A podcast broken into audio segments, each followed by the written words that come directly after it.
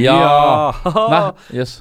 Vi er tilbake på podkast-lufta. Ja, godt nyttår. Godt 2018, Henrik. Godt nyttår, får man si, ja. Uh, jeg kom jo nettopp fra Singapore. Ja. Vært der hele Jeg dro 22. desember, jeg. Du tok fra lytterne mange verdifulle episoder med Jordsmonn. Ja, men de kan ikke forvente fullt ut å kjøre året rundt. Det må være lov å slappe av litt. Det er kravstore, det, vet du. Vil ha, de vil ha Jordsmonn-episodene sine. Ja, Tror du ikke det? Jeg vet ikke. Kanskje de var- syntes det var deilig med pausen òg. Kan være det greit, ja, altså. de, de, de, de kom slag i slag, så Ja, det ble mye på slutten der. jeg tror mange trengte å lytte seg opp litt. Jeg vet ikke om han har gjort det. Ja, de er kanskje gjort nå, alle sammen. Har du, har du hatt en fin jul? Ja, vi har hatt en veldig fin jul. Veldig deilig. Vet du hva? Jeg tror folk er lei av Jeg tror ikke folk vil høre noe Ja. om jula vår. Jeg tror faktisk ikke det heller. Jeg tror jeg er kjempelei av å høre om jul. Ja, vel så mye, for jeg har det, det, det er ikke noe givende. Jeg var i familieselskaper, spiste mid Jeg skal fortelle noe mye mer interessant, jeg. Oh, ja. Vi driter i den jula. Det Ok. interessant. Jeg syns det er veldig gøy. Fordi jeg hadde en kveld her da jeg eh, ble litt interessert i han, eh, han Josef Fritzel. Ja, riktig. Det kan du vel forstå? Jo. Ja, absolutt. For grusom, selvfølgelig, men fascinerende grei sak. Det er det. Fy faen, for en type. For et monster. Og han ble jo åpenbart dømt uh, til uh, sikkert ti ganger livstid eller et eller annet, jeg vet ikke. For det han de, greiene han eh, drev med. Og så Så jeg så en dokumentar, da. Og så ble jeg interessert, så jeg leste meg litt mer opp. Eh, og så så, eh, så så jeg en, uh, en det, var en det var en sånn uttalelse, eller et intervju med en 19-åring. Med en 19-åring Ja. som hadde delt celle med Fritzel. Ja, Hører du det? jeg hører det. Ha- Han har sluppet ut nå, Ja. men han hadde delt celle med Fritzel. Ja. Og sa at han Fritzel prøvde, han prøvde å bli en sånn farsfigur for han, og dreiv og Men så skjønte han at han bare var en psykopat som uh, prøvde å manipulere han, og fortalte om uh, sitt, si, sin tid på å selge med Fritzel. Jeg tenker, Han har sluppet ut, denne 19-åringen. Så hva galt kan han ha gjort for å havne på celle med Fritzel? Men det er det, ja? Skjønner det er dobbel straff? Hva i all verden, tenkte jeg. Så kommer det fram at uh, han uh, Han eh, Han ble flyttet. Eh, han ble flyttet til Fritzels celle fordi han hadde astma. Fordi den forrige cellekameraten røyka. Ja. Og så ble han satt på celle med Fritzel. Men tenker du da, Henrik, at det er verre? Verre, ja! Jeg synes det er mye verre å være på celle med Fritzel. Fritzel vil jo ikke ta i han! Han er jo ikke slektmenn! med han! vet du noe om hva Fritzel gjorde? Fritzel, det var ikke helt feil, hadde vel sin datter i kjelleren, ja, låst inne. ja. Og så I- fikk de barn år, sammen. ja. Ja, Og- og så fikk vel også barnebarnet også Fritzel hadde vel en greie, det er ikke helt feil. Ja, altså han, han, han forgrep seg på barn og barnebarn i 19 Men år. Henrik, det du må skjønne er at 19-åringen er den fangen på den i det fengselet med minst sjanse for å bli voldtatt. Det har ikke noe med det å gjøre. Men du, du, du, du er bare innpå altså, Ok, hvis jeg Ja. skulle skifte celle, da, så bare Ok, å, det blir deilig å slippe unna røykinga. det blir deilig å slippe astmaanfallene hele tida. Skal vi se, hvem er det skal bo Hvis jeg du er fengselsvoksen nå, hvem er det skal Hvem er det nye cellekameraten? Det er Fritzel. Josef Fritzel. Hm? Du? Denne gamle mannen. Hva- Hvem var det sånn? Josef Fritzel heter han. Skal jeg på celle med Ja? Josef Fritzel?! Ja? Den Josef Fritzel? Ja, det skal du. Mannen, gamle mannen, som er relativt harmløs, tror jeg, overfor Han er ikke harmløs. Nei, men- Ta, Søk opp ett bilde av Når han kan bygge si han- seg kjellere og lage seg og ha, og ha god til å planlegge og ha verktøy i orden, ja, da er det noe annet, selvfølgelig. Han har jo ingenting ligge, øh, gående for seg der, han. Å, fy fader. Men hva, hva, hva, jeg, jeg, ville, jeg ville kanskje heller hatt Hannibal Lecter. jeg. Nei, men det er, det er der, Henrik, det er der du ikke skjønner helt hvorfor, hva som er faren. Hannibal Lecter er jo, er jo en kaldblodig psykopat, ikke sant? Som, som tok uskyldige ofre. Ja, eksempel en cellekamerat. Fritzel tar jo ikke tilfeldige ofre. Ja, men du Tenk hvor Men tenk hvor ekkel Ja, men enig. ekkel. Ekkel. det. Tenk å Ok. våkne opp, da. Tenk at du våkner opp hver morgen, og så lukker opp øynene, så ser du trynet til Fritzel ligger og okay. gliser og Men Henrik, la meg spørre Henrik. Hva ville du helst vært på celle med? Jeg ville mye heller hatt astma og bodd med en som røyka. Du er ennå Mye det er jeg enig. Ja, mye heller. For det Ja, er for det greia. Det er det er, Ok. det, det er greia her. At han, han måtte bytte celle fordi han hadde astma, og så, og så får han fritzel. Det er som om, det er som om vakten bare Å jaså, ja, du, du er så fin på det, ja. ja. Ja. Ja, du skal få ny celle, du. Du skal få ny celle, du. Okay, ja, for, Josef Fritzel! ja, okay, da skjønner jeg. Ja, for, drittsekk, for bortsett fra drittsekk. er jeg enig i. Ja. Men det finnes langt verre selvkamerater enn han. Ja, det er Men det, det Men jeg er enig at ja. det er litt sånn Jeg har litt vondt i halsen. Kan jeg bytte å selge? Ja, men jeg, jeg, bare ser for meg, jeg bare ser for meg at han er så glad og fornøyd for at han har fått bytte å selge. Han har, tatt, han har pakka uh, pappkassa med tingene sine og er på vei bort og plystrer og Å, det blir deilig å slippe unna den røyken. Mm. oh, yes, hvem er nestemann? Hvem skal jeg bo med? En ung, en på min alder, kanskje? Mm. Er? Kødder litt med. Ja. Han Nei, greier gående Han med heter Skal vi se, og vakten ser på mappa si, han heter Skal vi se Josef Fritzel. Er det. Josef Fritzel! Og du hørte hva du har lest. Ja, den, da ser jeg den sånn på. Ja, det er enig. Det er enig. Eller så, bare, eller så visste han ikke helt hvem Josef Fritzel var. Josef Fritzel, akkurat, ja. Ja, Ja, hvem er det? Josef, ja? Er han øh, Har han, Han har han barn? jødisk ett, den Josef. Har han, har han barn? Har han Ja. Nei. Jeg skal, jeg, jeg, han, han er gjest. Han 19-åringen. Han 19-åringen der, ja. Skal vi få han og fly han over?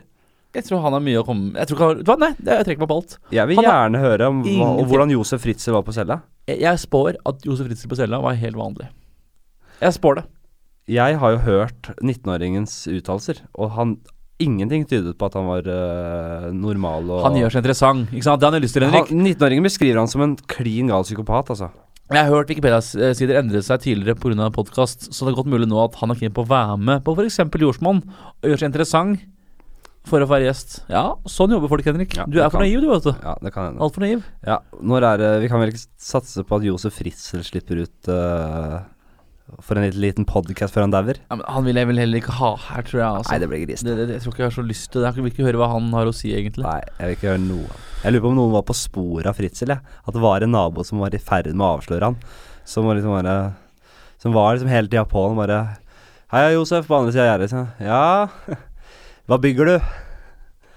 Ja, for du tror det var så han ga spor etter seg?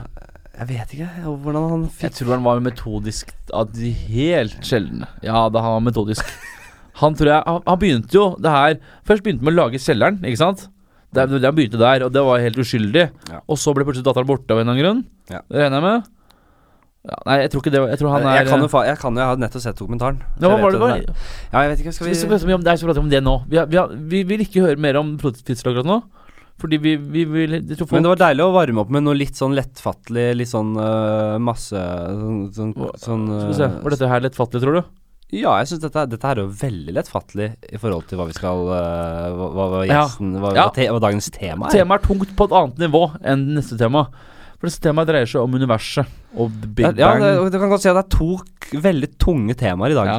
Eh, Vi begynner året eh, hardt. Vi Ja. går, begynner med sprint, vi. ja, get used it. Det er sånn her det blir litt framover. Altså. Det, blir, uh, Ja.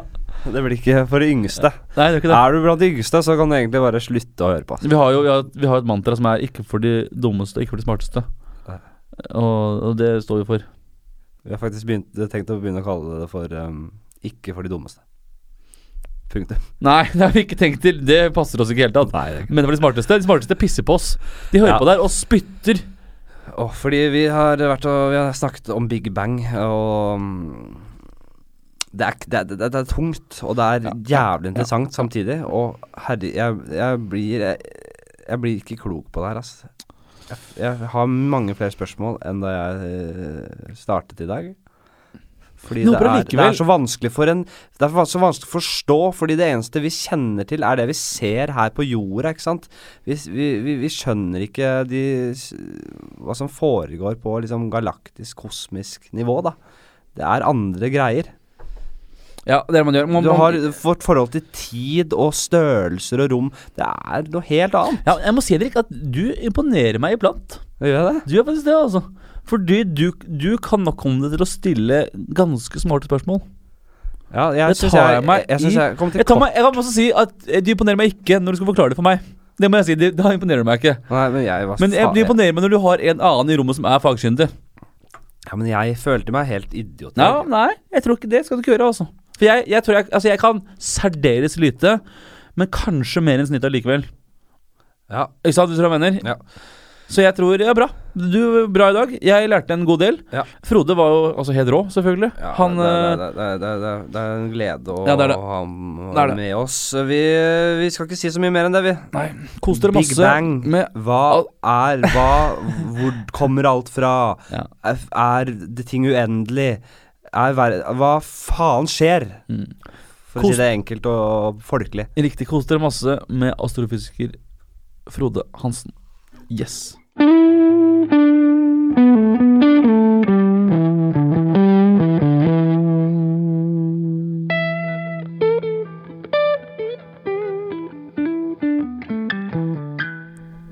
Yes! Ja. Der, Henrik. Nå skal vi inn på øh, Skal vi ta for oss sluggerne øh, innenfor temaer. Men jeg, da. Dette er en episode i ditt stjernetegn. Ja, nei, Jo. ja, men der er du god, men også så dårlig samtidig. Jeg vet det gjerne, fordi dette her er jo ikke astrologi. Nei. Det er noe annet. Det er, et, ja, det er et flåsete start, men jeg skjønner hva du vil. Ja, men jeg Jeg syns det ikke helt Jeg mener jeg faller. skal ha toppscore jeg, for den. Ja, I noen kretser får du kanskje toppscore. Ja, ikke hos er. meg. I mine Du- kretser. Ehm, er du en uh, astronomiens mann? Nei, jeg, jeg er jo dessverre ikke det. Jeg syns det er spennende, Ja. men jeg er veldig naken på det. Det er jeg. Uh, Hva med deg, ja? Ja, jeg er veldig opptatt av det. ja? Jeg er veldig, veldig opptatt av det. Og jeg har jo lest bøker, sett dokumentarer, pratet om universet siden jeg var en ung mann. Og kanskje til tider vært uh, litt sånn bedrevitende og trodd at jeg kan mer om det enn det jeg faktisk kan. Uh, også når det kommer til Big Bang, da, som vi skal ta for oss i dag, eh, så er vel jeg liksom alle andre at eh, hvis folk spør meg eh, hva er Big Bang, vet du hva Big Bang er, så svarer jeg med en gang ja, det vet jeg. Og så skal jeg begynne å forklare det. Og så blir det bare surr.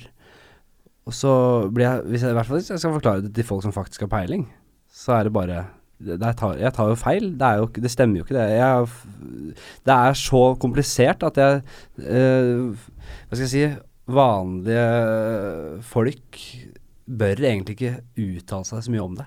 Jeg snakket med to uh, av de som jobber i moderne media ute i gangen her i stad, før du kom, Joakim, og Ja. før noen av dere kom. Så spurte jeg, jeg, liker, jeg syntes det var litt gøy å spørre, da. Hva, hva er Big Bang? Hva er Big Bang? Og så begynte han igjen, vet du. Og bare Ok, du ser ut Du ser ut med en stor kikkert ut i eh, atmosfæren, eller nei, stratosfæren, eller Mhm. bare universet. bare, bare Der var Der begynner han, ja. Ja, ja. Så det er- Famler med, med startstreken. ja, det, ja, det er, Ja. det er vanskelig å det er, det er vanskelig. Så jeg, Mm. nå skal jeg bli veldig mye mer ydmyk når det kommer til det der. Skal, eh, hva, hva, hva tror du Big Bang er, Joakim? Jeg tror det er det første øyeblikket, og jeg sier øyeblikket med vilje for å være litt vag, i universets historie. I hvert fall er det en teori om det. Ja, jeg er fornøyd, ja, altså. Er det er det, det svaret? Ja, det, Er det svaret? Det er kjempe jeg er jeg er det er- er veldig bra at du legger deg på den Det er ikke mer informasjon du gir. Nei, fordi hvis jeg først skal begynne med Ja, men dere er Henrik, du gjør feilen. For du begynner å snakke om alt og bredt og eksplosjoner, og så kommer stjernene. Nei, jeg sier det sånn. Så enkelt. Ja. Fordi det, det er her vi ligger, da. Frode Christian Hansen, velkommen. Jo, takk. Astrofysiker. En Ja. som uh, kan uh, forhåpentligvis Nå håper jeg du kan mer enn dette. Vi har Ja, altså det er jo ikke så veldig mye mer vi vet, sånn helt sikkert, da. Nei. Så det, det får vi jo se. Ja, ikke sant? Var min beskrivelse sånn høvelig grei?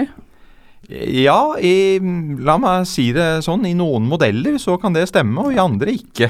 Ja. Så, eh, men, men som jeg sa, vi er jo så usikre Ja. eh, selv. Selv om vi har mange modeller og vet ganske mye, så er det akkurat starten, den, eh, den er ukjent, ukjent enda, altså. Bare sånn for ordens skyld, eh, du er astrofysiker.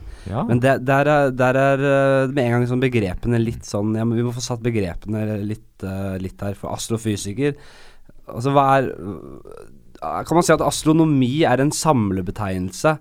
Eller en, en Hva skal jeg Hva skal man kalle det? altså, ja. vi, vi, vi bruker vel egentlig astronomi og astrofysikk litt om hverandre, tror jeg. Ja, ok. Altså, astronomi har vel tradisjonelt vært mer den biten hvor man observerer stjerner og hva enn som er oppe i universet. Ja. Mens astrofysikk er mer å bruke fysikk til å forstå hva som, hva som skjer der oppe. Så bruker de fysiske lovene, matematikk, hele pakka. Ja. Men, men det de, glir litt i hverandre, altså. Og så har du på en måte uh, Jeg kan si at kvantemekanikk og sånn er verktøy Nå, nå dere bruker. Det stemmer, det. Det Ja. er jo en del Ja, av fysikken. Ja. Så det er absolutt et viktig verktøy som, som vi bruker. Ja. Det er det. Det er klart at alt som skjer der oppe er jo styrt av de fysiske lovene, og kvantemekanikken er jo en, en del av fysikken. Eh, og for å kunne forklare det vi ser, så trenger vi å, å bruke, å bruke bl.a. det, Ja. samt alle andre fysiske lover. Men jeg hører mange si, blant inkludert deg, at eh, nei, det får du ta med en matematiker. For det, det er du ikke, liksom. Det, det er for det andre Nei, altså vi bruker jo matematikk, Ja. men vi, eh, vi går jo ikke i detaljer å så utlede matematikken. Og vi er ikke så veldig stringente på matematikken som matematikerne er. Eh, Det er mer det vi, for, for oss er matematikken et viktig, veldig viktig verktøy. Uten den hadde vi ikke kommet noen, noen vei. Men vi, vi henger oss, også vi tror på det matematikerne forteller oss. De gjør utledningene for oss. Ja. Og så, så tar vi det derfra. Så vi, vi går ikke så inn i, detalj, inn i detaljene på, på akkurat, akkurat den biten. Dere er gjør rett og slett et skikkelig stykke arbeid. Også for sånne som meg sitte og filosofere og snakke om uendelighet og parallelle universer og, oss, og det som er litt snadder, om jeg unnskyld at jeg sier det. Det er jo Er det, eh, det frister det deg å bare gå helt løpsk og bare begynne å uh, gå utenfor teorien og matematikken her? Det er klart at det, det frister jo selvfølgelig å bare å, å, å sitte og leke seg litt. Ja. Men samtidig så er vi jo veldig klar på det her at vi, vi driver jo med vitenskap. Ja. Og da, da er det visse, visse ting vi må passe på. Det- Så hvordan da vi, vi, For å komme litt mer på det. Hva er det du, hva er det du driver med når du jobber som astrofysiker? Hva er det du gjør da? Jeg sitter og finner feil i programmeringskodene mine. Det er stort sett det jeg gjør nesten hele dagen. Okay. Eh, det er klart at vi for å løse ting, eh, regne ut ting i dag, så driver vi og skriver store, store koder på datamaskin. Kjører på, på superdatamaskiner. Og, og det er klart at skriver man sånne koder, så går det veldig ofte feil. Eh, man kjører det, finner en feil. Kanskje kjører du på en kjempesvær datamaskin i noen uker, og så finner du ut etterpå at å nei, det var et minustegn feil, nå må jeg starte på nytt. Eh, så vel, veldig stor del av dagen min går faktisk på å, programmere, altså. Eller ja, finne feil i det jeg har programmert før. Jeg tror mange har en litt sånn annen oppfatning av hva, hva fysikerarbeidet faktisk innebærer. Ja. Det, det stemmer nok. Ja. Og det, det tror jeg også gjelder mange studentene som kommer til oss og skal bli fysikere. Og så begynner de med programmering og liksom Ja, men hva skal jeg med det? Jeg skal bli fysiker, jeg. Eh, og så skjønner de jo fort da hva, at det å være fysiker betyr at man, man sitter og koder i veldig stor grad. For tiden med pergamentrull og sånn blekkpenn, den er over. Den er visst det. Ja, det er trist. Det er veldig romantisk bilde jeg har er der. Ja. Men, eh, fordi vi nemlig sagt, ja, Henrik har jo snakket om det her. Ja, altså, velg ordene dine med omhu, for det er veldig mye vi skal innom her. Ja, å ja, ja, jeg skal videre. Nå tenkte jeg Ja, litt, bra! Ja, jeg skal videre. Vi skal my innom mye her nå, Frode, som du sikkert vet. ja, ja, Vi det, uh, det eh, er mye jeg- univers å ta av, Ja, det ja, det Vi begynner med en liten del av det. ja. Eller en liten del. Ja, det er jeg ser på tynt vann, vet jeg. Fordi jeg og Henrik pratet om det her. Og eh, før vi begynner på praten om Big Bang, så må vi Tror jeg det er lurt å snakke om hva vi, som menes med det synlige universet. Observerbare universet. Altså, Ja. Det, vi, det vi ser eh, Det, det, vi, det, det oss vanlige folk ser rundt oss, da. Altså Ja. materie, galakser Det er et, et veldig godt spørsmål. Altså, og um, veldig viktig for det vi driver med. For det er klart at altså, lyset går jo med en, en bestemt hastighet. Mm. Eh, sånn at eh, når jeg ser på en stjerne på himmelen, hvis en stjerne ligger 100 lysår unna, så betyr det at lyset har jo vært 100 år på vei til oss. Så jeg ser den stjerna som den så ut som for 100 år siden. Mm. Og jo lenger og lenger utover går, jo lenger bakover i tid går jeg. Og siden det finnes et big bang, så er det jo en grense for hvor langt, hvor langt utover jeg faktisk kan se. Eh, og det er den grensen som vi da kaller for det synlige universet. Riktig. Ja. Og her nemlig. Fordi da sier man at man har sett eh, lysstråler som er 13,8 milliarder unna. Ja, 13,2 er vel sånn cirka vi har i dag. 13,2 er det kanskje, beklager. Ja. 13,2 Hvordan kan man se at noe er 13,2 milliarder år unna? Det er et, et godt spørsmål. Nå har det seg sånn at ø, universet utvider seg jo. Eh, det er igjen noe man kunne snakket i timevis om. Eh, ikke så lett å forstå. Eh, men man kan si det sånn at tom, tomrommet som ligger mellom galaksene, det, det, det blir større og større. Det blir mer og mer tomrom rundt oss. Ja.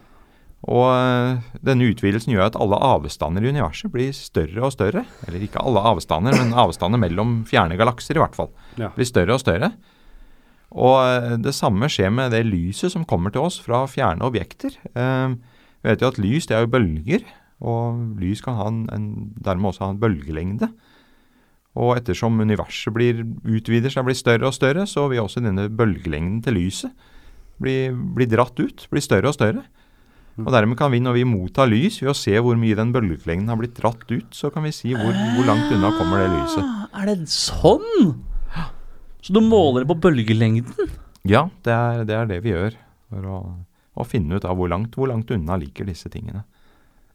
Så noen av de lysene vi får Noen av de lysene Noe av det lyset vi får, kan vi måle eh, Alt måler vi, og noe, noe av det lyset måler vi til 13,2 milliarder Ja, og det som unna. skjer med det lyset og nå har jeg sånn, sånn at Lys er jo det vi kaller elektromagnetisk stråling. Og den uh, finnes det jo Det er jo ikke bare lys som er elektromagnetisk stråling. Det er jo alt fra radiobølger til varmestråling til uh, røntgenstråling. Og lys, det alt er jo det det samme fenomenet. Det eneste som endrer seg, er bølgelengden. Så det lyset som vi ser fra 13,5 milliarder år siden, eh, da det ble sendt ut, så var det lys, rødglødende lys fra en, en rødglødende gass. Men ettersom da bølgelengden har blitt større og større og større, så ser vi ikke det i dag som lys. Vi ser det som eh, mikrobølger, eh, samme som du har i mikrobølgeovnen hjemme. Ok. Jeg jeg skal, ikke, jeg, skal, jeg skal ikke ljuge og si at jeg skjønner alt dette her, altså. Det, det, men, men dette her Dette vet vi med sikkerhet. Dette er ikke noe sånn som Big Bang at du sier Nei, vi vet ikke helt hva det er. Altså, vi vet, Dette- det her vet vi. Det er klart at eh, som vitenskapsmann skal man skal du aldri si at du vet noe med 100 sikkerhet. Neida, men Men når, når du har fått kontrollert ting på veldig mange forskjellige måter, så etter hvert så, så begynner du å innse at det er veldig veldig sannsynlig at dette stemmer, i hvert fall. Det er litt som ting som faller til bakken. Har du prøvd det nok ganger, så kan du vel dra den konklusjonen at, at eh, gravitasjon Det finnes noe som heter gravitasjon, Ja. men du kan jo aldri være sikker på at den tingen ikke begynner å falle oppover en dag. Ja. Eh, men in, ja, så godt som man kan si sikkert innen vitenskapen, så, så kan man si at det er, det er veldig sikkert. Jeg må bare ta tak i en ting som du sa. Du snakket om at uh, galaksene forsvinner eh, fra hverandre. Og det blir mer og mer tomrom. Og da snakker du vel om uh, dette et slags vakuum Det- mellom uh, det sorte, eller det, det, som, det som mange kaller ingenting.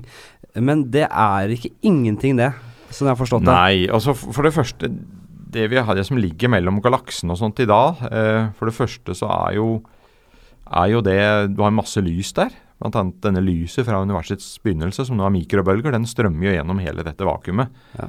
I tillegg så er det jo alltid noe gass, så det, altså, det er aldri et perfekt vakuum uten noe partikler eller, eller lys der sånn. Det, det finnes ikke i dag, så vidt vi vet. Er det, kan man kalle dette Er det et slags lerret for universet? Er Eller hva er det? For, for, hva faen, ja, vi har galakse, vi har, det, mate, vi har mat, Altså- mat, materien, og så har vi også plutselig noe som heter antimaterie og antien Altså, du skjønner hva jeg mener? Men hva er liksom blue Hva, hva, hva er liksom lerretet? Hva, hva, hva, hva startet det med? Ja, jeg, altså jeg vil kalle det kanskje selve rommet. Ja, rommet, hva Er vokser det i, da? Ja, det er, det er jo det, det vanlige spørsmålet som vi får, og som eh, er veldig vanskelig å gi noe svar på uten å begynne med matematikk. Eh, Ja. Men eh, også det er jo egentlig hjernen vår som hjernen absolutt skal ha noe som dette rommet skal vokse i. Ja. Når man ser på de matematiske modellene, så ser man at det er ikke, det er ikke noen nødvendighet. Også. Det, er, det, er bare, det er bare sånn hjernen vår er lagd. Den kan ikke forestille seg at noe vokser i, i ikke noe, for å si det sånn. Eh, og da kommer vi jo også til dette med universets utvidelse. Eh, mange ser jo da for seg at, at universet begynte da som et bitte lite punkt som eksploderte utover. Som også er en, en litt gal måte å, å, å se Da, på det men på. Da, da må jeg avbryte deg litt, for da, da kom vi inn på Big Bang, ikke sant? Litt Ja. før det så må jeg bare få For de eh, som lurer på det der ute, og jeg lurer på det selv, for jeg, det, tror, dette skjønner man egentlig aldri, hvor stort universet er. Hvor mange galakser ah, ser vi, har vi sett i det observerbare universet? Oi. Sånn nå- cirka. Sånn cirka. Ja, nå spør du veldig vanskelig. Ja, det er Det er snakk om ufattelig mange. Ja. Men jeg, jeg tør ikke å gi deg noe tall her og nå, altså. Men det er snakk om Det- ufattelig mange Det galakser. er det. Eh, det er det ingen tvil om. Og sånn i hver galakse For det her, her prøver jeg alltid å ta noen, uh, gi noen tall hvis jeg blir spurt eller skal snakke om det her. Hvor mange stjerner det er i en galakse. Så en, Så jeg skal, jeg skal, 200 milliarder? Sånn cirka? ja, det er veldig bra. Ja. Sånn cirka kan Men det, dette varierer der, ja. vel Dette kan vel Det variere? varierer. Er Det var mye mindre. 200 milliarder stjerner i én galakse? Forstå den som kan. Hva f... i- Ja. Og så vi er er det jo da noen hundre milliarder og sikkert langt, langt flere galakser. Ja. Så Riktig. Og vi er i Melkeveien. Det er vår galakse. det stemmer. Ikke sant? Ja da, det er riktig. Så, så da, da, kan man jo, da kan man jo tenke seg hvor lite sannsynlig det er at det ikke er liv andre steder. Jeg vil jo, når, når, dette, når jeg blir påminnet dette, så tenker jeg alltid det er, Hvor latterlig er det ikke å tro at vi er alene? Helt enig. Mm. Eh, så utrolig mange stjerner og planeter som det finnes, så er det veldig usannsynlig at vi er alene i universet. Ja. Men det kan være veldig langt mellom hvert sted hvor det er liv. Ja da, det er klart. Det er nok sannsynlig. Eh, vi har jo ikke fått sett noen signaler fra liv noe sted i, i nærheten, i hvert fall. Nei, men da, da, da må du klaffe noe helt Da må du klaffe veldig, da. Da må du være eh, et intelligent liv som ikke er så langt unna, som har sendt ut signaler vi klarer å plukke opp. Ja. Også, men det, det, når det er så store avstand, selvfølgelig, så blir det vanskelig at det, tilfeldighetene klaffer der. der, der Uh, eh, men også når man ser på hvor lett, eller hvor, hvor gjerne liv ønsker å bli til, da. Hvor liv er på en måte den klamrer seg til Det oppstår liv her på jorden der ingen skulle tro at det kunne oppstå liv, da.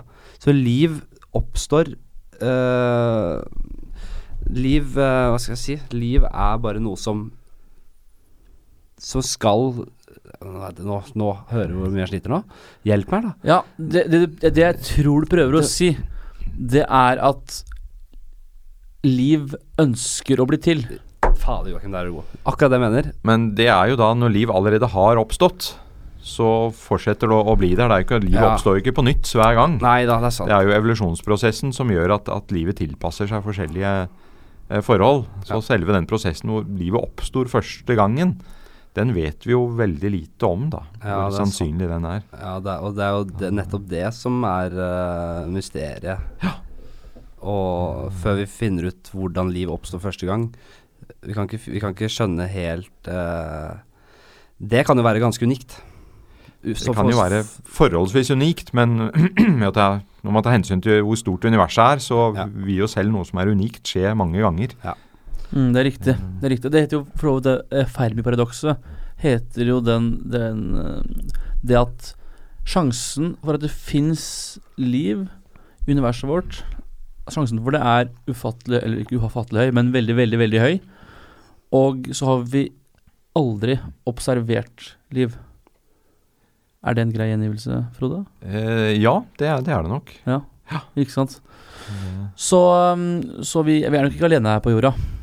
Jo. For... vi er nok alene her på jorda. Ja, det vet vi heller ikke. Det er eh, så arrogant det kan vi ikke være, Henrik, at vi sier det.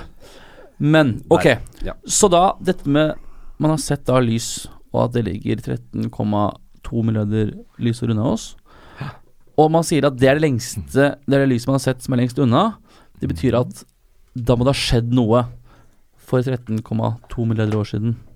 Ja, Ikke sant? det, det stemmer. Det er på en måte resonnementet til en viss grad som ligger bak her. Ja. Og det kaller vi for the big bang. Ja. Ja. Det kan vi godt si. Men det er klart at altså, resonnementet gikk vel egentlig omvendt. Man hadde vel denne teorien om big bang lenge før man så dette lyset. Oh, ja. Eller ikke så lenge, men i hvert fall en, en god stund. Mm. Eh, bare ved å se det at universet faktisk utvider seg, det, det har man, visste man jo lenge før det. Eh, og det, det er klart, tar du den Går du da bakover i tid, så må jo universet trekke seg sammen når du går bakover i tid. Og da tenkte man at da må man komme til et punkt hvor alt var veldig, veldig, veldig tett sammen. Og er ting veldig, veldig tett sammen, så får de også en veldig sånn varm, varm og tett gass. Hvor, hvorfor må det ha vært veldig, veldig tett sammen? Eh, og så det er klart hvis du Men hvis man ekstrapolerer, da. Eh, nå utvider det seg, og så fortsetter går det bakover i tid. Nå bare trekker det seg sammen, trekker det seg sammen, trekker det seg sammen. Mm. Hvis ikke den sammentrekninga stopper, så må det jo bli veldig tett til slutt. Ja. Nå er det jo om denne sammentrekninga stopper eller ikke, er jo selvfølgelig et, et åpent spørsmål. Ja. Men kunne det ikke eh, være at det var stort, og så bare ble det mye større plutselig? Ja, det kan godt hende. Og det er en, det er en mulighet, altså. Det er det. Det er en av disse det hørt- modellene du snakker om. Ja, Det er flere modeller. Ikke sant? stemmer, For stemmer det. ja, Ja, Fordi det jeg har hørt, nemlig Det jeg har hørt Jeg har hørt en ja, Det ble bare en teori, og det er at eh, Idet Big Bang startet, eller ved det første øyeblikket, hvordan man definerer det, så kan universet maksimalt ha vært én kubikkcentimeter. Ja, den, den har ikke jeg hørt. Oh, nei, okay. uh, det vet man vel egentlig, egentlig ikke. Nei. Du har det vi kaller denne planklengden, som setter en, en grense innenfor den kjente fysikken, hvor, for hvor tett du kan pakke noe sammen. Uh, men uh, da sier jeg innen kjent fysikk. Man har to, to grener av fysikken. Det ene er denne kvantefysikken som du snakka om tidligere, som omhandler de minste tingene i, i universet. Og så har vi Einsteins relativitetsteori, som omhandler de aller største tingene i universet. Og disse to fysiske lovene de har jo vist seg å stemme helt perfekt eh, i sine gyldighetsområder. Men de er ikke de, de går ikke sammen. De er rett og slett ikke kompatible. Og når vi kommer til Big Bang, så er det klart at da må du jo se på det veldig lille og det veldig store samtidig. Ja. Eh, og da har vi rett og slett ikke en overliggende fysisk lov enda som klarer å, å takle det. Så der ligger det ny fysikk eh, og venter på oss. Eh, Venter på at det skal komme en ny Einstein og oppdage da denne samleteorien, kan du si. Som da har både kvantefysikken og relativitetsteorien i, i seg. Er det ikke det Hawkins prøver å bli? Det er helt riktig. Han er en av de som, som jobber med det. Fordi, ok, er det noe mulig, dette er helt idiotisk, men øh, hvis ting blir veldig lite og kompakt, imploderer det ikke til en slags form for svart hull da? Er jeg helt ute å kjøre nå? Eh, nei da, det er, jo, det er jo en mulighet, men hva skjer inni dette svarte hullet? Eh, Altså inni i sentrum der sånn. Det må jo også der være en altså det, det kan ikke bli uendelig lite, sannsynligvis. Kan- Ja, for det er altså, den er spennende. Kan det ikke det? Det er altså Normalt så sier man får man uendeligheter i fysikken, så tyder det på at eh, de fysiske lovene er gale. Eh, Det er veldig vanskelig å se for seg at noe kan bli uendelig kompakt, uendelig, altså uendelig lite. At du kan presse hele universet inn i et uendelig lite punkt. Ja. Det, det, det Ja, strider Ja, selvfølgelig strider de mot alt. Altså det, det, jeg er helt enig i det. Men Så vi, vi er ganske sikre på at det fins fysikk som begrenser det, og som stopper det, men vi kjenner ikke den fysikken. Nå må vi Jeg skal prøve å ikke stille så mange øh, dumme spørsmål. nå, så Kan vi ikke høre litt Hva har du funnet ut om Big Bang, Frode? Fordi du jobber veldig mye med Big Bang. Det stemmer. Så jeg har vært eh, en del av et eh, stort team, eh, kanskje rundt 1000 personer rundt om i hele verden, som har jobba med en satellitt som heter Planck. Mm. Eh, den ble skutt opp for eh, ja, nå er det vel snart åtte år siden, og skal da observere dette lyset fra, fra universets begynnelse, eller nesten begynnelse. Og har da vært den satellitten som har gitt oss de absolutt beste, eller mest detaljerte bildene av, av universets eh, begynnelse, eller ja, Dette som kalles kosmisk bakgrunn. Det er helt riktig. Ja, bakgrunnsstråling, ja. Og denne strålinga ble sendt ut ja, egentlig sånn 300 000 år etter Big Bang, så det er ikke riktig å si at det er helt fra begynnelsen. Helt begynnelsen, den, den klarer vi ikke å se. Fordi at det var, det var for tett gass på, på, den, på den tida. Men, eh, men det vi ser da, dette lyset, det er jo rett og slett bare denne veldig, veldig tette gassen som var der i, i starten. Fordi Og den- dette smellet skapte gass. Ja. Om vi kan kalle det et smell. Hvis det nå er et smell, så kan du si at da, da, da skapte den gass. Lys og, og, og gass. Vann? Eh, ja. Ja, vi skal bare helle litt vann her. Det skal vi ikke være redde for. Det Ja. Selv Galileo Galilei tok seg en slurk vann i ny og ne. Kan man ikke si det? Jo, sånn. ja, det Vi er tilbake. Så Ja, så det er klart at den, den gassen den var litt sånn småklumpete. Eh, heldigvis. Det er den klump, de klumpene i gassen som har lagd oss. Stjerner og galakser og det som er. Klumpene i gassen, hva tenker du på da? Da er det små fortetninger i gassen. Gassen var ikke helt jevn. Den hadde noen, noen små fortetninger i seg. Ja, Noen steder var den tettere, og andre steder var den tynnere. Og disse områdene som var tettere, de har jo da pga. gravitasjon ja, har, de vokst seg tettere og større. ja. Og så har de blitt til det vi nå ser som ja, stjernegalakser, stjerner og, og oss selv. Det er ny informasjon for meg, og det gjør det litt mer forståelig. Så det er eh, som, en, um, som en snøball.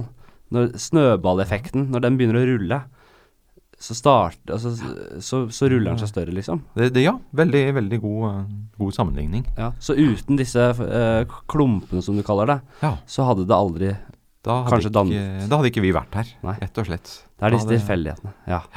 Stemmer det. Og det er klart at altså, vi har jo teorier for hvor disse fortetningene kommer fra også. ja vel. Eh, de forskjellige teoriene for akkurat startøyeblikket, de, de forutsier at disse fortetningene skal se litt forskjellige ut. Og det jeg har jobba med da, er jo å studere disse, disse fortetningene i detalj. Kjøre sånn avansert statistikk på dem. Si hva er det som er sannsynlig, og hva er det som er usannsynlig. Ja. Uh, I de forskjellige modellene for universets begynnelse. Og da prøve å forstå hva, hva, hva kan ha skjedd i starten. Er det noe som vi, du klarer å forklare til oss nærmere, eller er det, blir det vanskelig? Det, vil gjerne si at det blir vanskelig, altså. Det, det, det blir det er vanskelig. det er det. Ja. Helt klart. Men denne Fordi eh, hvis jeg skulle prøve å forklare hva Big Bang var, så, jeg, så hadde jeg sagt at det, det er Alt var da samlet i et lite punkt. Som vi har lært så ikke større enn en, hva er det, en tennisball eller noe sånt. Men da, da snakker vi om det observerbare universet. Ja, Men det er klart at universet er nok mye, mye større enn bare det observerbare universet. ja vel, ja. Um, og for Så- å virkelig eh, sette hjernen på, på en prøve, så kan de jo se det at hvis, hvis universet er uendelig stort, det, det kan godt være at det er uendelig stort, Mm. eh, ja, så var det også uendelig stort i Big Bang. Eh, og da, ja Altså, oh, så, så det var ikke bare en liten klump, det, det ja. Nei, Og det, det, den, jeg får ikke hjernen rundt den, jeg heller, altså. Nei, men, Eh. men, men ja, vi, vi, kan, vi skal komme tilbake til dette med om uendelig stort og kanskje parallelle universer òg. Jeg vet ikke hva vi får tid til, men jeg må bare vite Jeg, vil, jeg sier da at det, det kommer fra ett punkt, og så uh, ble det så tett at det eksploderte. Men da, da, da, da, da, sam, bruker jeg det eksplosjons... En eksplosjon Det bildet av eksplosjon som jeg er vant til å se her på jorda. Ja, ja det, er, det, er det er- ikke det er noe ikke- god Nei, det er ikke presist dette her, er de det? Det er, en, det er en dårlig måte å se det på. Ja. Og det er jo litt på grunn av, som jeg sier, altså se for deg et uendelig univers. Det, det kan jo ikke eksplodere. Nei. I hvert fall ikke på den måten som vi er vant til å se på det på. Um, en måte som jeg kanskje ja, liker å se på dette med universets utvidelse Dette er jo veldig tett knyttet opp mot, mot dette med universets utvidelse, egentlig. Eh, eh, en måte å se på universets utvidelse på er at du kan tenke deg at du har en del galakser som ligger rundt, rundt i rommet. Eh, og hvis du nå eh, er som en observatør som følger med utvidelsen, som jeg pleier å si, så vil ikke du se utvidelsen. Det du vil se, er at disse galaksene blir bare mindre og mindre og mindre. og mindre og mindre. Det er en annen måte å se universets utvidelse på. At de, de bare ligger der fast hele tida, så blir det mindre og mindre og mindre. Ja. Og hvis vi nå går bakover i tid da, til startøyeblikket, så driver disse galaksene og eser ut, blir større og større og større, og større, og større, og så kommer de sammen. Men, men der har du ikke noe lenger noe eksplosjon. Da, da, da får man en litt annen måte å se, Ja. på, å se på dette med universets utvidelse, og dermed også Big Bang på. Er det noe- er det noe- Yes, yes, yes. Har vi noen grunn til å tro at universet kan krympe igjen? Eh, det var en av teoriene eh, veldig lenge. Hvis du har nok materie i universet, det at gravitasjon klarer å, klarer å trekke all materien mot hverandre igjen, så kunne du, kunne du se for deg den muligheten. Men det, det har man egentlig avkrefta. Man har jo nå målt hvor mye materie det er, hvor, hvor stor tetthet det er av galakser i universet. Og den tettheten er da ikke stor nok til at, at det kan skje. Så det, det er veldig usannsynlig. Ja, riktig. ja. Så, det, så det kommer til å ekspandere uh, til hva, hva er den endelige Hva skjer til slutt, liksom? Ja, altså det, det som skjer nå, også det som var nytt nå bare for en eh, Ja, nå har det blitt 20 år allerede. Eh, siden man oppdaget noe som heter mørk energi. Ja. Eh, Vi vet jo ikke hva denne mørke energien er, men det er et slags ja, energi som ligger i tomrommet, i vakuumet, og som får universet til å utvide seg fortere og fortere og fortere. Og fortere. Og eh, vi kaller det en akselerert utvidelse. Så universet vil jo nå, men ja, i løpet av de neste 100 milliarder årene bare bli revet i stykker omtrent. Det, det vil bli eh, bare tomrom igjen, også med enorm avstand mellom, mellom atomene. Slutt. Fordi vil, Er det worst case? Det er at alt blir revet i stykker? Eh, ja, det er vel den sannsynlige, sannsynlige utgangen, sånn som, vi, sånn som vi ser det nå. Men det ser jo vi, vi Vi ser jo på det som helt forferdelig for oss, selvfølgelig. Fordi men hva er vi i den store sammenhengen, da? Dette, kan, dette er jo mest sannsynlig helt normalt og akkurat sånn det skal være. Fordi vi snakker om at det, universet ekspand, eh, At det utvider seg, og det blir revet fra hverandre. Men hva er det det utvider seg i? Ja, det er Hva- den altså, der. hva er det, hva, ja, hva er det? Hva, det, det, det? Det klarer jeg bare ikke å skjønne. Ja, nei, det eh, Som, som sagt, det, det, det, tre, man, det trenger ikke å ha noe å utvide seg i. Det er, ja. det er bare hjernen vår som absolutt skal, skal, ha, skal ha det til det. Eh, Ja. Men jeg klarer jo ikke å se det for meg, jeg heller. Nei. Jeg skjønner ikke, jeg heller. Jeg må se på matematikken for å, for å innse at det, det, det, det trengs jo egentlig ikke. Men hvis det utvider seg Det trenger ikke utvide seg i noe, men kan det utvide seg? Kan det være at det bulker inn i noe annet? Det, det finnes jo teorier hvor vårt univers er ett av mange, og så har du en femte dimensjon Ja. hvor, eh, ja, hvor det da kan hende at de kommer borti hverandre. Men for øyeblikket så er det mest spekulasjoner. Det er, ikke, det er langt fra noe vi har observert og kan observere med det første. At det er eh, At vi er i en liten boble, liksom? Ja, I et, eller et, en, eh, et, et, I et uendelig nett en av boble bobler. eller en, en flate, om du vil. Ja. En svær flate i en ja, En uendelig rom av flater. 2D-flate? Ja, altså en 4D 4D-flate, egentlig. Men hvis du skal lage en, en, en analogi, så kan du jo se på det som sånne små ark som flyter rundt. Kanskje uendelig store. ja, fordi Men, vi må jo bare innse at, det, at det, det vi skjønner og ser, er bare bitte, bitte lite. At, det er helt klart. at ting er, det, det er, ting er enormt stort, samtidig som det er bitte, bitte, bitte, bitte, bitte lite. Og det er, det er, nei, det er ikke lett. Hvis, man, hvis man skal inn på dette med parallelle universer Ja, nå, nå spørs det jo hva, hva du mener med parallelle universer her. Nei, altså, det, multivers, ja, det multivers, ja. Eh, Ja, Når det gjelder det er multivers, så Det finnes mange versjoner av den, men den som ja, mest populære, og som, som kan ha noe for seg, syns jeg som det første, er jo som en del av det vi kaller inflasjonsteorien. Ja. Eh, det er litt sånn høytflyvende saker, men eh, inflasjonsteorien er jo da den rådende ja, Kanskje den eneste virkelig fungerende teorien vi har for, eh, for hva som skjedde helt i starten. mm, Eh, og i denne teorien så starta universet som tomrom, og så kan det ha starta som bare vakuum. Og så, så viser det seg at da et vakuum kan ha forskjellige faser eller energinivåer. Kan gjennomgå en, en, en slags faseovergang, på samme måte som når vann koker eller, eller blir til is. Så kan også vakuum gå fra det vi kaller et falskt vakuum til et ekte vakuum. Og i den prosessen så gir da tomrommet ifra seg energi. Hvor rart det nå enn høres. Eh, tomrommet kan da ha forskjellige energinivåer og må gi fra seg den energien. Og da plutselig får du ja, gass og partikler, lys, eh, i universet. Og i den prosessen så kan man også da, da de fysiske lovene bli, bli laget. Og det er klart at denne Altså denne prosessen, man, man vet at det har skjedd sånne faseoverganger. De må ha skjedd for å få fysikk sånn som vi har i dag. ja. Men om de skjedde på denne måten helt i starten, det, det er det vi ikke er helt sikre på.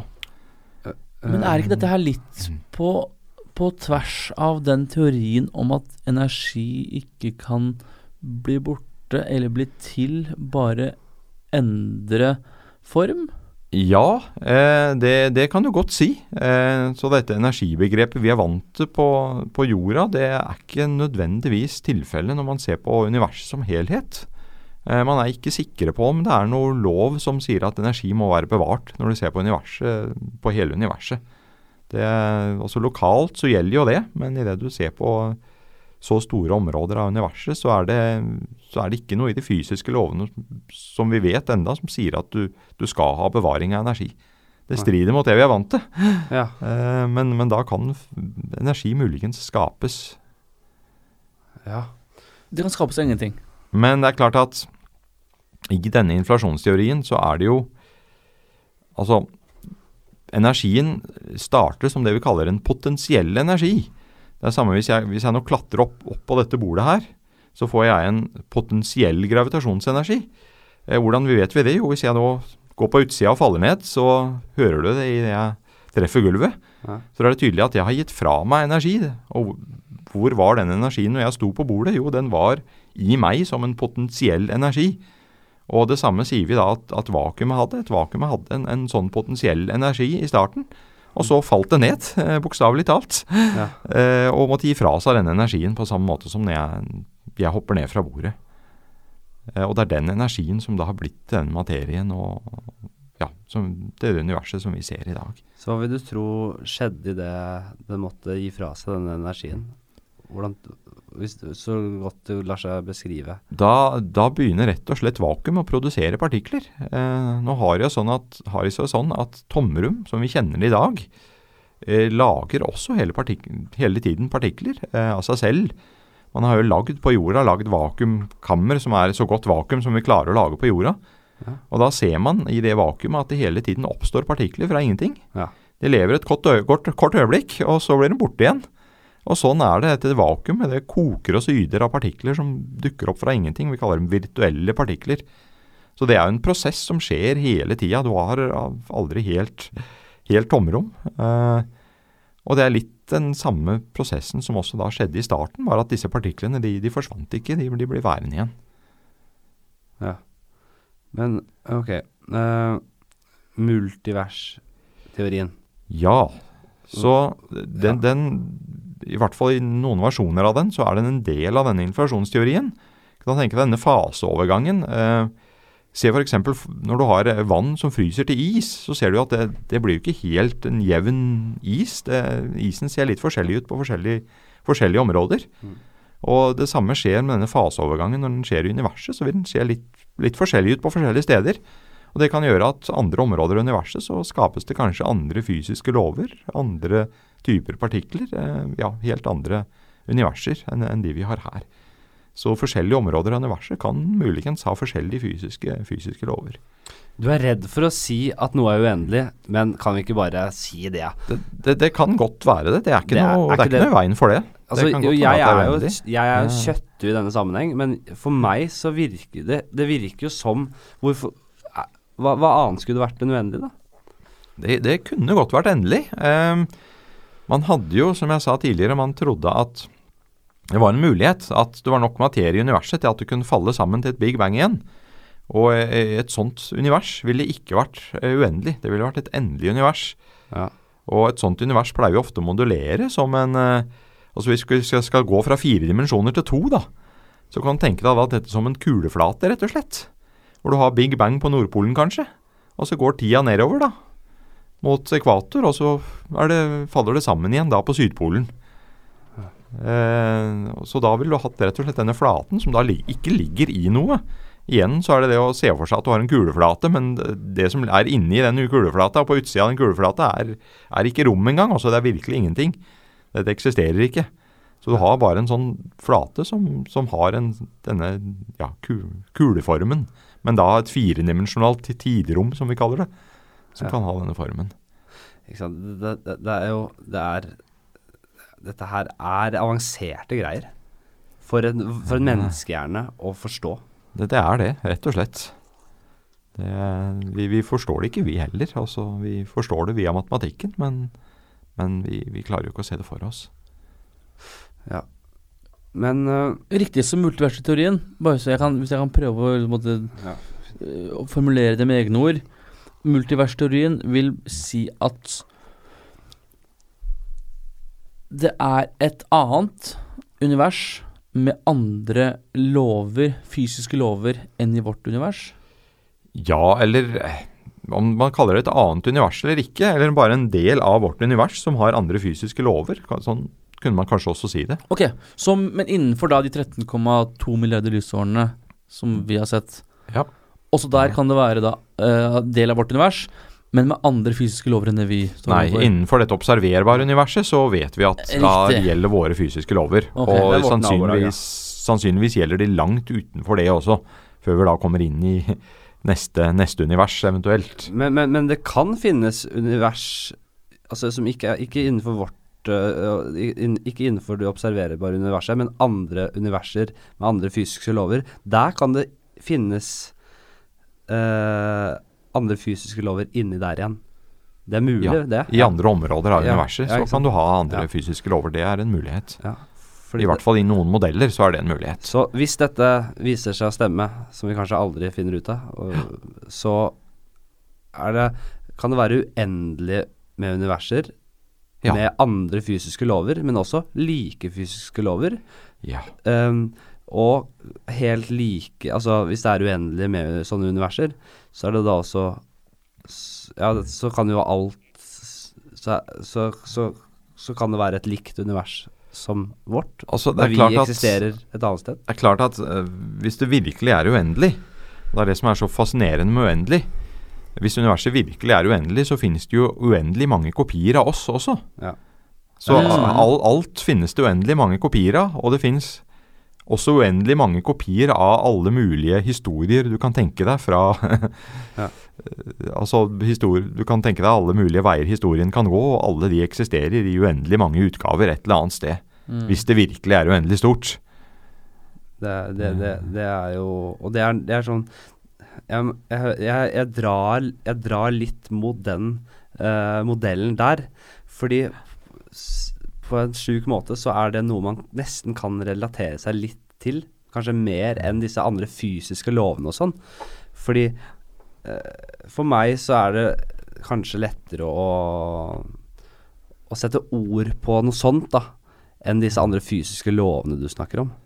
For, så dette har jeg hørt om før, og det har fascinert meg veldig. At hvis det finnes uendelig av universer, eh, så vil alt som kan skje, skje. Ja. På en måte. Ja, Stemmer. Og hvis man tar denne uendelighet Dette uendelig, den uendeligheten på alvor Joakim, ser du for deg hva det vil si? Selvfølgelig ikke. Aner ikke. Helt naken.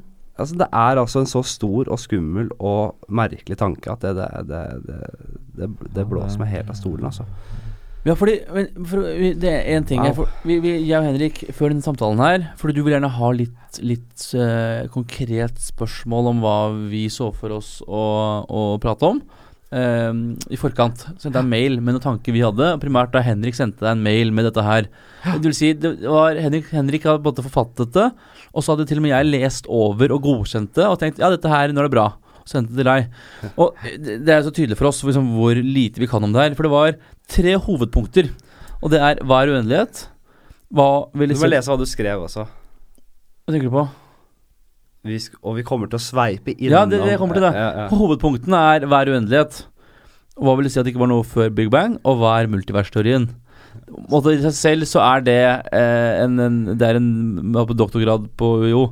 Eh, og så, så var det sånn ja, Så la vi til eh, det var til hovedpunktene. Vi skal ikke se bort fra at vi kommer innom et par andre temaer i tillegg. Og det er ti punkter her med romtransport, og vi er inne om eh, annet liv i universet. Dersom uendelighet er et ekte konsept, kan det da finnes et annet univers som har én stjerne som er like stor som vårt eget synlige univers? Ja, masse spørsmål ikke sant, som sier noe om, eh, noe om um, altså, At vi, vi, ja, vi har bare hørt om noen begreper, og så still spørsmål om det. Men én ting som du faktisk svarte på, som var ganske spennende, som jeg ikke har skjønt før du sa det til, til skrev i mailen, var For vi spurte eh, er det mulig at vår forståelse av romtransport er på barnehagenivå. Og så snakket vi om dette med hvorfor vi ikke kan reise i lysets hastighet. Ja. Og hva, hva er grunnen til det? Så eh, det som skjer er jo at skal du klare å akselerere opp til lysets hastighet, så trenger du uendelig mengde energi. hvis man nå ser på Når du nå nærmer deg lysets hastighet, så kan man eh, altså både når du gjør eksperimenter, men også fra teorien, se at eh, jo mer, jo nærmere du kommer lysets hastighet, jo større energi trenger du bare for å få en bitte liten hastighetsøkning. Og idet du er nesten ved lyshastigheten, så trenger du altså da en uendelig energi for å få en, en hastighetsøkning i det hele tatt. Eh, og en uendelig energi klarer vi ikke å, å få tak i. Så Men kreves, for det kreves uendelig, ikke bare vanvittige mengder. Nei, det er faktisk uendelig. Ja, rett og slett. Ok, og da må jeg trekke det litt videre, for nå går jeg litt utenfor manuset her, Frode. Håper det er greit. Fordi en av grunnene For alt til andre vi har snakket om, er et manus. Ja, så, så ligger Vi leser høyt fra manus alle sammen her. Så Lars Joakim kolon, og så leser jeg derfra det vanlige. Alle har fått en blekkeutdeling fra starten her. Og så tenker jeg, fordi grunnen til at vi ikke kan reise i tid Det er, det er jo snakket om at dette med lysets hastighet trekkes inn med, med at tiden går. Og så har jeg sagt at vi kan ikke reise i tid fordi vi vil aldri klare å reise i lysets hastighet. Ja, altså Trekker jeg paralleller nå som ikke fins? Ja, det, Ja, det vil jeg jeg, si. Eh, vi kan godt reise fremover i tid. Det er ikke noe problem. Hvis du klarer å få en hastighet som er veldig nær lyshastigheten. Eh, si at jeg tar et romskip nå, eh, kjører meg en rundtur eh, på veldig nær lyshastigheten. Eh, og for meg så tar den turen ti år, eh, og når jeg kommer tilbake, så har det kanskje gått en million år på jorda. Ja. Det, og det er fysisk mulig innenfor de fysiske lovene. Så Ja, framover i tid er, eh, det, det kan vi få til hvis vi bare hadde fått til å kjøre veldig, veldig fort. Men kan jeg utfordre litt? Mm -hmm. Fordi vil ikke det si at de som Nei, riktig. Fordi Nå tenkte jeg at de som er på jorda, vil ha gått tilbake i tid. Men de vil bare ha beveget seg ti år fram i tid i forhold til den som var på Altså, reise. Jeg har gått ti år fram i tid, men de på jorda har gått en million år fram. Riktig. Ja. Og det vil aldri være mulig å gå tilbake i tid. Det er fysisk Så vidt, så vidt vi vet, ja. Og eh, problemet med å gå bakover i tid er at da kan du jo selvfølgelig endre, endre historien, Ja, som vi har sett i diverse filmer. eh, Og det vil jo være et, ja, det vil være et problem for alt vi kjenner av, av fysiske lover. Ja, fordi kan jeg spørre om du kan eksistere to steder samtidig og sånn. Ja, ikke sant? Ja, da, da, da blir det Fordi, hva, hva, hva tenker du når du ser sånne filmer? Eksempel, jeg så Interstellar på fredag. Fantastisk film. Var det research til den podcasten? Det var research. Jeg satt, tok på meg lesebrillene og så Interstellar. Fantastisk film, i mine øyne. Men når du ser sånne filmer, blir du da provosert, eller klarer du å glede deg over det? Nei, jeg, jeg syns det, det er morsomt likevel. Syns det? Ja da, for all del. Det, så lenge ingen kommer og påstår at dette er virkelighet, så, så syns jeg, syns jeg bare det er gøy. Men har du ikke gjort også et ganske godt grunnarbeid der på en del faktiske lover? Ja da, det har jo vært eh, lenge snakk om om Einsteins relativitetsteori åpner for å reise bakover i, bakover i tid. Ja? Mange som har jobba med det, men man har vel ikke egentlig også Problemet der kommer igjen da med denne kombinasjonen med kvantefysikk og Einsteins relativitetsteori, som du må innom for å, å finne ut av det der. Og, eh, og det, den, den, de fysiske lovene da kjenner man som sagt ikke. Og dermed så vet man jo heller ikke alt nøyaktig hvor mye du kan stole på relativitetsteorien når du ser på disse, disse tingene. Men man har ikke funnet noen løsning som funker også når det gjelder å gå bak, bakover i tid. Ja, for er ikke det faktisk caset i Interstellar at de har relativitetsteorien og kvantefysikken, og så prøver de å finne en, en bro mellom de teoriene. Nå skal jeg innrømme at jeg ikke har sendt, eh, sett Oi. Interstellar. Jeg har hatt lyst til å se den lenge, Ja, men jeg, har- jeg har ikke kommet dit. Så Anbefaler jeg varmt. Men, men bare det du sa nå, var at hvis man finner en bro mellom de to teoriene, så kan det potensielt Altså- finnes en mulighet for reise i tid. hvis muligheten til å reise i tid finnes, så vil man se den da. Hvis det skulle finnes en sånn mulighet. Men akkurat nå så kjenner man jo ikke det. Så Men vi har levd i et millisekund, da. Vi, vi, Det er helt og vi har fått til så mye på bare de siste årene. At hvem vet hva, hvilke muligheter vi har i vente, da. Kanskje ikke vi som er i rommet her nå, men hvis vi ikke tar livet av oss selv, det er så kan mye skje. finner man altså Igjen, kan man gå bakover i tid, så bryter jo hele fysikken og alle fysikkens lover ned. Eh, fordi at altså, fysikken jo på, altså, bygger jo på en årsak-virkningssammenheng, ikke sant. Det er jo det mm. Mhm. det er jo det fysikkens lover er. Du har en årsak, og så forutsier du virkningen. Eh, kan du gå bakover i tid, så plutselig kan du få virkning som kommer før årsak. Og, og da, ja, da, da har ikke vi fysikere lenger noe vi skulle ha sagt. Men alt vi har sett så langt, eh, tyder jo på at, at eh, årsak kommer før virkning. Mm. Eh, Hva er det mest spennende å jobbe med om dagen nå, da? Nei, nå driver jeg jo enda og jobber da med denne, denne Planck-satellitten. Eh, De siste, de siste målingene fra denne Planck-satellitten. Eh, Den er jo nå slått av, så vi driver nå og analyserer de siste vi har av data der. Og prøver å finne ut litt mer om, om denne inflasjonsteorien, om denne har noe for seg eller ikke. Det er det som, som er det hovedfokuset mitt om dagen. Mhm. Og, og, hvor- og hva er det dere leter etter for å komme til noe svar? Så da ser vi etter eh, igjen, vi ser på disse små mm, klumpene, kan du si, fortetningene i gassen. Ja. Og så kjører vi da en del statistiske analyser som vi da sammenligner mot, eh, mot forskjellige teorier for, eh, for hva som skjedde i, i startøyeblikket, også under denne inflasjonsfasen. Hvis det var en inflasjonsfase, som vi heller ikke kan være helt sikre på.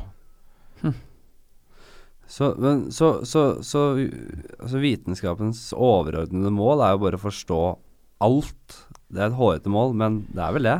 Det er vel det, ja da. Jo, det Hvor langt tror du vi kommer? Uh, Vi kommer nok aldri til bunns. Det, det ser jo ut som for hver ting man finner ut, så dukker det opp eh, langt flere spørsmål enn vi hadde før. Så eh, heldigvis, kanskje, så blir vi ikke arbeidsløse med det første. eh, så man, men det er klart at man kommer jo til det punktet hvor hvis du skal finne ut noe mer, så trenger du virkelig rå, rådyre eksperimenter. Ja. Og vi, vi har vel egentlig kommet til det punktet nå. Eh, det er litt sånn krise, egentlig. Ja. Fordi at skal vi finne ut mye, i hvert fall f.eks. innen det som heter partikkelfysikk og sånn, man, hvor man har disse svære akseleratorene som på CERN, så, så skal man bygge noe større, så blir det så dyrt at det blir vanskelig å få til, rett og slett. Men, men det må da kunne gå an å finansiere det hvis gulroten er Altså hvis, hvis belønningen er stor nok, da. Fordi eh, viten Altså mange Sjokkerende mange avfeier vitenskapen. Så sjokkerende mange av verdens befolkning avfeier vitenskap som noe vi ikke trenger.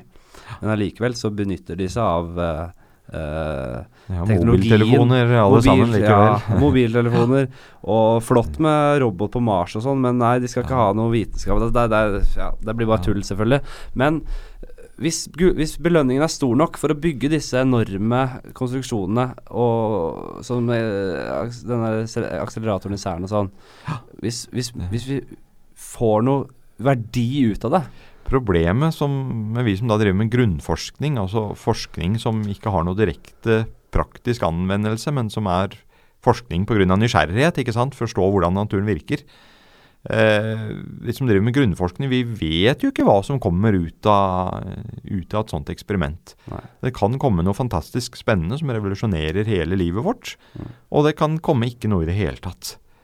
Eh, og det er jo litt av, av, dilemmaet. At eh, altså vi bør jo gjøre grunnforskning. Hadde det ikke vært for grunnforskning for 100 år siden, så hadde vi ikke hatt mobiltelefonen i dag. Eh, det, det, det, altså det ligger jo til og med kvantefysikk bak der, ikke sant. Som, og, og det var jo forskning som ble drevet fram av nysgjerrighet, mer enn noe som helst annet. Man ante ikke at dette skulle ha noe praktisk eh, eh, funksjon i det hele tatt. Ja. Eh, det er litt av dilemmaet å faktisk overtale for politikere, for politikere til å forstå at dette kan jo føre til en revolusjon i fremtiden, men vi vet det ikke. Vi vet ikke hva som ligger der. Vi kan ikke gi oss nå. Det her er jo, det er jo typisk. Ikke sant? Det, er, det er jo kapitalismen. Det er jo Det må være en belønning der. Det må være noe penger, noe, noe, noe man får ut av det. Ellers så stagnerer det. Det er jo en reell fare for at det bare stagnerer hele greia. da Alt vi har jobbet med. Ja, ikke vi, skal jeg ikke altså. si, men dere. Politisk så er det jo også nå veldig mye mot at nå skal forskninga helst ha en praktisk nytte. Det skal være forskning som kan brukes til noe. liksom Denne grunnforskninga er ikke alltid så populær. Og jeg tror kanskje politikerne forstår, sliter med å forstå at det, det, det kommer ikke til å gi penger i løpet av neste fireårsperiode, men kanskje om 50 eller 100 år. Eh, men, eh, men det er klart at det er, vi har jo masse ting vi kan gjøre enda som ikke krever veldig store eksperimenter. Og en av de store tinga som kommer nå, er jo dette med gravitasjonsbølger, som dere kanskje har hørt litt om. Det har vært Nei, en del gjerne ta nyhetene. opp litt på det, altså. Ja, så gravitasjonsbølger er rett og slett uh, små endringer i tid og rom som brer seg utover som bølger. Mm. Uh, det er litt som lysbølger, men bare at det, er, uh, det, det har med gravitasjon å gjøre. Og eh, disse forutsa jo Einstein for eh, snart eh, 100 år siden at, at måtte eksistere fra teorien hans. Så f.eks. hvis du har to veldig svære objekter i verdensrommet som kolliderer, så vil det komme en sånn gravitasjonsbølge til oss på jorda og ja, gå rett gjennom jorda. Og den ble, en sånn gravitasjonsbølge ble da oppdaget for første gang for to år siden. Og eh, i fjor høst så så man da for første gang et punkt på himmelen som man så lyset fra en sånn eksplosjon. Det var nok to, to veldig veldig kompakte stjerner som vi kaller nøytronstjerner, som kolliderte med hverandre. Og da sendte ut en sånn gravitasjonsbølge i tillegg til kraftig lys. Og når man nå har oppdaga det, så gir det oss en enorm mulighet til å studere verdensrommet på en måte som vi aldri har studert det før. Hvordan da? Eh, I en sånn gravitasjonsbølge så ligger det da informasjon eh, om eh, nøyaktig hva som skjedde i de kollisjonene. Og da f.eks. disse nøytronstjernene som er ekstremt kompakte. Eh, der har man kanskje en kombinasjon av kvantefysikk og relativitetsteori som, som trengs for å beskrive hva som skjer inni dem. Så kanskje kan vi få en hint, et hint til denne kombinasjonen av disse to teoriene ved å da analysere dataene fra sånne gravitasjonsbølger. Så Einstein kom med den teorien her. Han sa bare 'jeg har ikke noe bevis for det', men sånn må det være. Eh, også han hadde bevis for det hvis eh, han, man kan utlede det fra matematisk, fra Riktig. relativitetsteorien hans. Riktig. Så gitt at Men det er, en måte, er det en del forutsetninger som ligger til grunn Ja. først, ikke sant? Stemmer. Um, men han, han sa at dette må finnes. Eh, vi har ikke Så sett det han sa observert hvis, det. hvis teorien min stemmer, hvis relativitetsteorien er riktig, så Ja. må disse eksistere. Og så over 100 år senere Ja, så ser man det.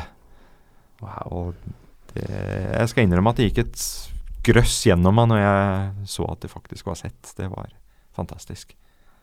Okay, det, det, dette er veldig spennende. For jeg, jeg hadde tenkt å, Det var et spørsmål jeg tenkte å stille. Hva, hva er de, de tre sjukeste tingene du har uh, sett de siste ti årene? Og da er vel Ja. gravitasjonsbølger en av de? Helt klart en av dem. Ja, det kanskje førsteplass til og med? Helt der oppe? Eh, ja, det vil jeg faktisk si. Ja, Ja. Det er førsteplass. Det ble ikke noe, ble ikke noe Nobelpris av det, eller ble det Jo, Ja, det, det, det ble det. Ja. Det var fjorårets var rett nobelpris, rett og slett. Og så kan, vi, kan, jeg, skal, kan jeg spørre og be om en, øh, en bronse, sølv- og bronseplass? Ja eh, jeg, jeg, vet ikke om jeg kan Det er to opptagelser som var Ja, nei. Oi, det er, det er mange å ta av. Det har skjedd ufattelig mye i de siste Ja, det var det ti år du sa? Ja, ikke se for deg Ikke, ikke forhold deg til den Altså, pallen jeg lager her nå. Sier vi 20 år, 20 år, så har det skjedd så ufattelig mye at jeg sliter litt med å finne Med å rangere, rett og slett. Eh, Higgs-partikkelen? Higgs-partikkelen er, er absolutt en eh, Jeg vet ikke om, om sølv, vet jeg ikke, men eh, den var Altså, den, Man var jo så sikre på at den måtte være der, Ja. at, at det ville vært veldig rart hvis den ikke var der. Fordi hva, hva kjapt hva er det dette er? Det, det var en fysiker som het Higgs. Stemmer det. Og han eh, igjen så på, da, på de matematiske lovene for hvordan partiklene oppfører seg. Ja. Og så da at ja, hvis disse lovene vi har stemmer, så må det eksistere en partikkel som har de og de egenskapene. Eh, og det var jo også 50 år siden eller noe sånt, sikkert. Eh, eller enda lenger, det er jeg ikke sikker på. Så den var jo forutsagt også i lang tid. Ja. Eh, og man var vel egentlig ganske sikker på at den måtte være der. Eh, det hadde vært betydelig mer sensasjonelt hvis den ikke var der. Da, da, det hadde vært spennende. Kan du forklare hva slags betydning det har at vi har funnet den nå? Det er vel Gudspartikkelen blir jo også kalt. Det, Ja, det er noen som skal blåse opp. Ja, det er det det er. Det er de blåser opp. Ja, Sånn som meg, fordi- Fredrik, som gjør det. Når jeg hørte, når jeg hørte det gudspartikkelen, så var jeg solgt med en gang. Jeg trengte Ja. ikke å vite hva det var engang. Jeg bare, Nei, ikke sant, Gudspartikkelen, vi har funnet gudspartikkelen. Yes, da, da feirer vi! Yes! Ja, ja. altså, den, den bekrefter jo Den gjør at vi har forstått veldig mye av de minste delene av universet. Altså de minste partiklene, og hvordan, hvordan de fungerer. Ja. Ehm, men nå, nå ser man jo da etter en videre forutsigelser som ikke er så sikre lenger. Eh. Men eh, Men tilbake til de store oppdagelsene, så vil jeg si at eh, en av de største nok er fra den kosmiske bakgrunnsstrålingen. Mm. Eh, den hadde man jo oppdaget for veldig lenge siden. Um, men i ja, var det rundt 2000, akkurat begynnelsen av 2000-tallet, så fikk man de første målingene av da disse, igjen disse fortetningene eh, som, på små skala. Og der hadde man igjen hatt altså, Man hadde sagt hvis Big Bang-teorien har noe for seg, så skal disse fortetningene ha akkurat de og de og de egenskapene. Og det er klart at Big Bang var jo liksom bare Kan vi virkelig se tegn på universets begynnelse? Har vi forstått det her? Mm. Og så kommer det, og så er jo disse fortetningene akkurat sånn som, som forutsagt i Big Bang-teorien. Ja. Eh, og det, det, det er også en fantastisk uh, Og da tenkte jeg dette skal jeg fader meg jobbe med. Ja, da var jeg akkurat på masteroppgaven min når det, når det skjedde. Og det er liksom bare wow. Ja. Vi har forstått noe av hva som skjedde for 13,5 milliarder år siden. Og det er helt utrolig at vi har kommet såpass langt, da. Det, det, det, er, det er virkelig utrolig. Vi må virkelig, menneskeheten må klappe seg på skulderen. Ja, det, det, det, kan, det kan du si. Hva, hva, hva vil du tro Eller det er vanskelig å si, men øh, hvis du skal øh, spå én oppdag... Altså, hvis du skal spå litt i fremtiden, hva tror du vi kommer til å finne ut som er helt oppsiktsvekkende, som kommer til å endre, endre veldig mye? Som, Nei, det, som Copernicus-nivå, liksom. Det måtte jo være når man da faktisk fant denne kombinasjonen av kvantefysikk og, og relativitetsteori. Det, er, det er nok det som er det neste virkelig store. Da plutselig kan man forstår man veldig mye som man ikke forstår i dag. Ja. Og en sånn opptakelse kan jo ligge altså Man har jobba i flere tiår med å finne en sånn teori. Eh, Den kan ligge rett rundt hjørnet, og den kan ligge 100 år fram i tid. Det, eh, man venter liksom på en, en slags Einstein som skal innse den derre sammenhengen der. Eller det kan komme som et resultat av stor, stort samarbeid. Og, Ja. Altså at det ikke er én person som finner det. Det, det kan være. Men, eh, men jeg, det er nok det virkelig store. Ja. Ikke sant. Vi, vi, tid, Vi er tiden flyr. Men ikke vær redd for at det har gått for kort tid. Nei da, det her er Som altså, alltid. Dette her er jo noe man kunne snakket om uh, Vi kunne snakket i flere flere timer, men vi må finne et, uh, et punktum på denne samtalen. Har du noe ekstraordinært du ønsker å si, Joakim? Eh, nei. Veldig bra. Det er bra. Ok, vi får bare krysse fingrene på at det kommer uh, Ja. Et uh, geni. Kanskje det er deg? Kanskje det er deg? Ja, det spørs vel, det vel. Nei, vi får se, da. Jeg, jeg er ikke teoretiker, så det Ja. Nei, bare jeg har ikke ekstraert å si, men jeg må si at det var veldig hyggelig at du kom og ble med på episoden. Ja. Jo, det Eh, var, det var satte veldig pris på. Jeg, jeg, altså, men jeg føler meg ikke noe smartere nå. Gjør du det, Henrik? Ja, lite grann. Det er Ja. noe ja, det, det, det må jeg si. Men det er, det er jeg, Som du kjenner til, Frode, så sitter man igjen med flere spørsmål enn når man startet. Og det, Riktig sant? eh, Jeg vet mer, Ja. men lurer på enda mer. så neste gang jeg skal gå inn i en sånn samtale, så kan jeg stille meg selv spørsmålet Vil jeg ha flere spørsmål, eller vil jeg ha så mange så, Hvis jeg vil jeg ligge på det nivået av spørsmål jeg er nå, så nå, Hvis jeg drar meg dypere inn der, så blir det bare verre og verre for meg. Så skal jeg stoppe her, eller skal jeg gå videre? Inn i søken, inn i, forstå, inn i videre forståelse av dette her. Det skal, det skal, jeg, gå, det skal jeg sove på i natt. Det finnes ledige studieplasser hos oss, så det, det Har ikke du gått på det, Henrik? Jo, jeg har altså, AST 1010. Ja, se det, ja. Ja da. Jeg Ja har, vel. eh, Jeg har Det er både det og forstum hanka teater, inn Henrik. en C på den der, eh, og lille årsstudiumet der. Ja, Så det var, det var ikke all verden, selvfølgelig. Jo, men det I hvert fall noe. Der ser du. Dette var veldig hyggelig. Eh, takk for at du kom, eh, Frode. Det var hyggelig. Kjempehyggelig. Lykke til med arbeidet ditt. Takk for det. Ha det. Ha det bra.